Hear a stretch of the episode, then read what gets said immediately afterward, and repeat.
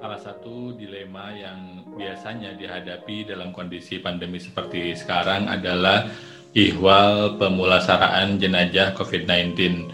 Ada sebagian kalangan yang merasa tidak puas dengan pemulasaraan ala prokes medis karena khawatir tidak sesuai dengan kaidah fikih. Dan itu sebabnya kemudian sering kita temui atau pernah kita dengar kasus di mana keluarga memulasarakan kembali jenajah COVID-19 setelah jenajah tersebut dipulasarakan uh, secara medis di rumah sakit. Pertanyaannya adalah benarkah pemulasaraan jenajah menurut protokol medis itu tidak sesuai atau kurang sesuai dengan fikih? Mari kita bedah satu persatu.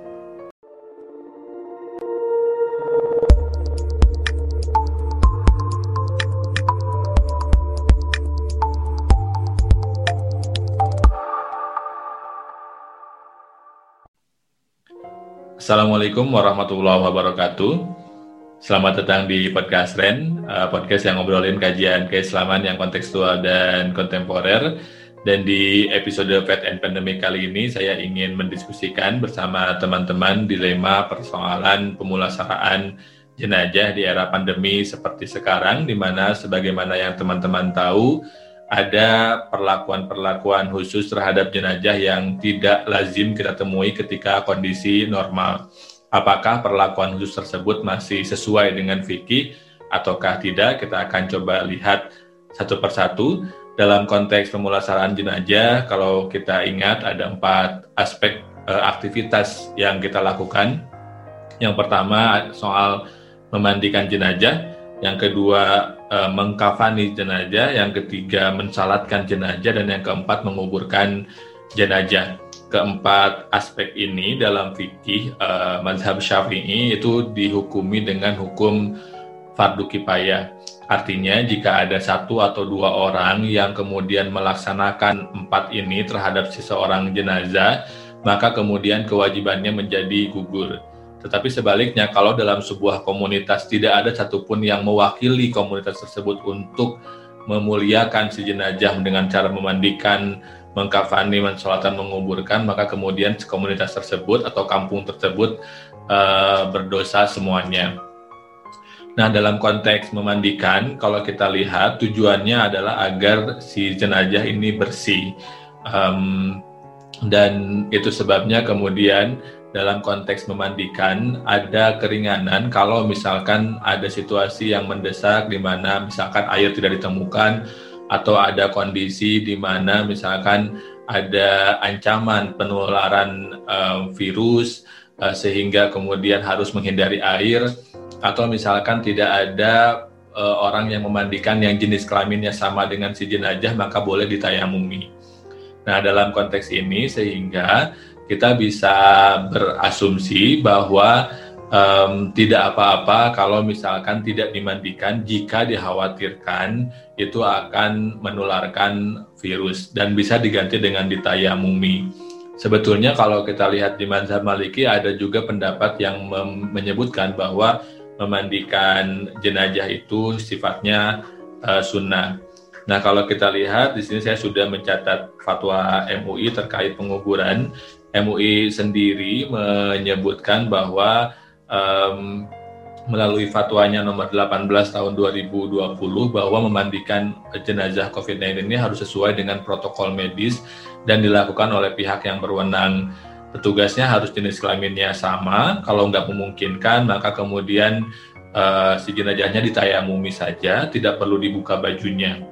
Jika memungkinkan juga kotoran pada tubuh jenazah dibuang air kemudian dikucurkan ke seluruh tubuh jenazah, tapi jika tidak memungkinkan dengan air, maka bisa ditangan bisa diganti dengan tayamum.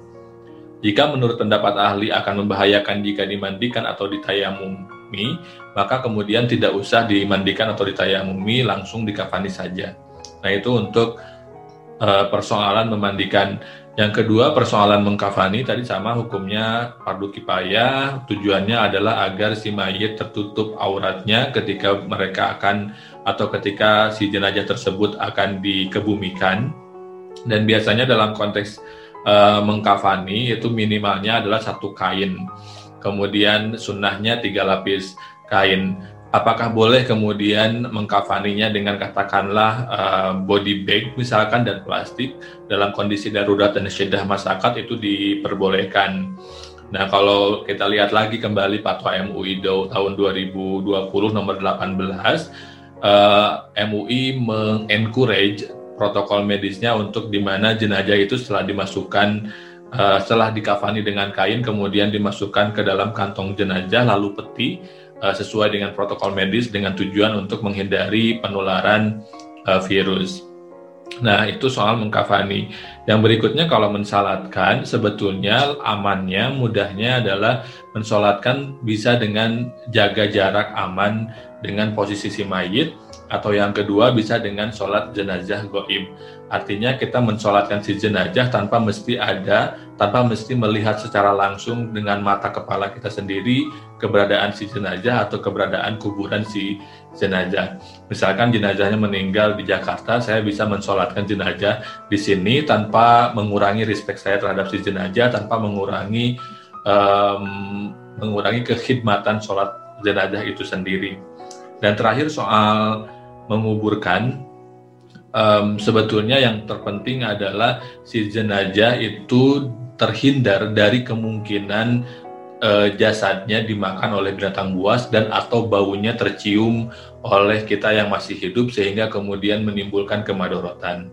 Nah dari situ kemudian um, uh, dalam secara kaidah fikih secara abdolnya dibikin lubang yang satu tinggi badan kita lebih kurang, kemudian si jenazahnya dimasukkan ke sana, dihadapkan ke kiblat, bagian pipinya agak dibuka sedikit uh, kain kafannya sehingga disentuhkan dengan tanah sebagai analogi, sebagai metafora, sebagai pengingat kepada kita bahwa kita berasal dari tanah. Tetapi lagi-lagi dalam kondisi syiddah masyarakat, dalam kondisi pandemi, eh, jika itu dilakukan dan membahayakan, maka tidak perlu dilakukan sebagaimana biasa, tapi bisa dengan cara langsung dikuburkan dengan peti matinya langsung. Bahkan jika misalkan lahannya habis, itu bisa satu liang lahat lebih dari satu jenazah, seperti kemudian juga ditulis oleh fatwa MUI. Nah dari keseluruhan proses ini, kalau kita lihat sebetulnya ini menunjukkan betapa Islam itu Hanifiyah Samha lah yang tidak memberatkan orang, yang di mana hukum Islam itu bisa melonggar ketika situasi sangat uh, menyempit atau um, sangat darurat seperti itu.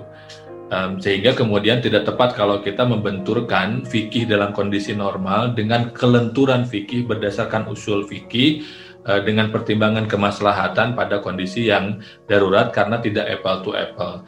Yang juga lebih penting dari itu semua adalah bagaimana kemudian di atas perdebatan dilema fikih tadi kita tidak boleh kemudian menaruh stigma pada jenazah COVID-19. Mereka syahid duniawi, insya Allah semoga husnul khatimah dalam proses mereka kembali kepada Allah dan kemudian kita tidak perlu mempersusah keluarga yang ditinggalkan yang sudah berduka dengan apa yang terjadi dengan kemudian menolak jenazah yang uh, COVID-19 yang penguburannya bisa dilakukan dengan sesuai uh, protokol medis gitu.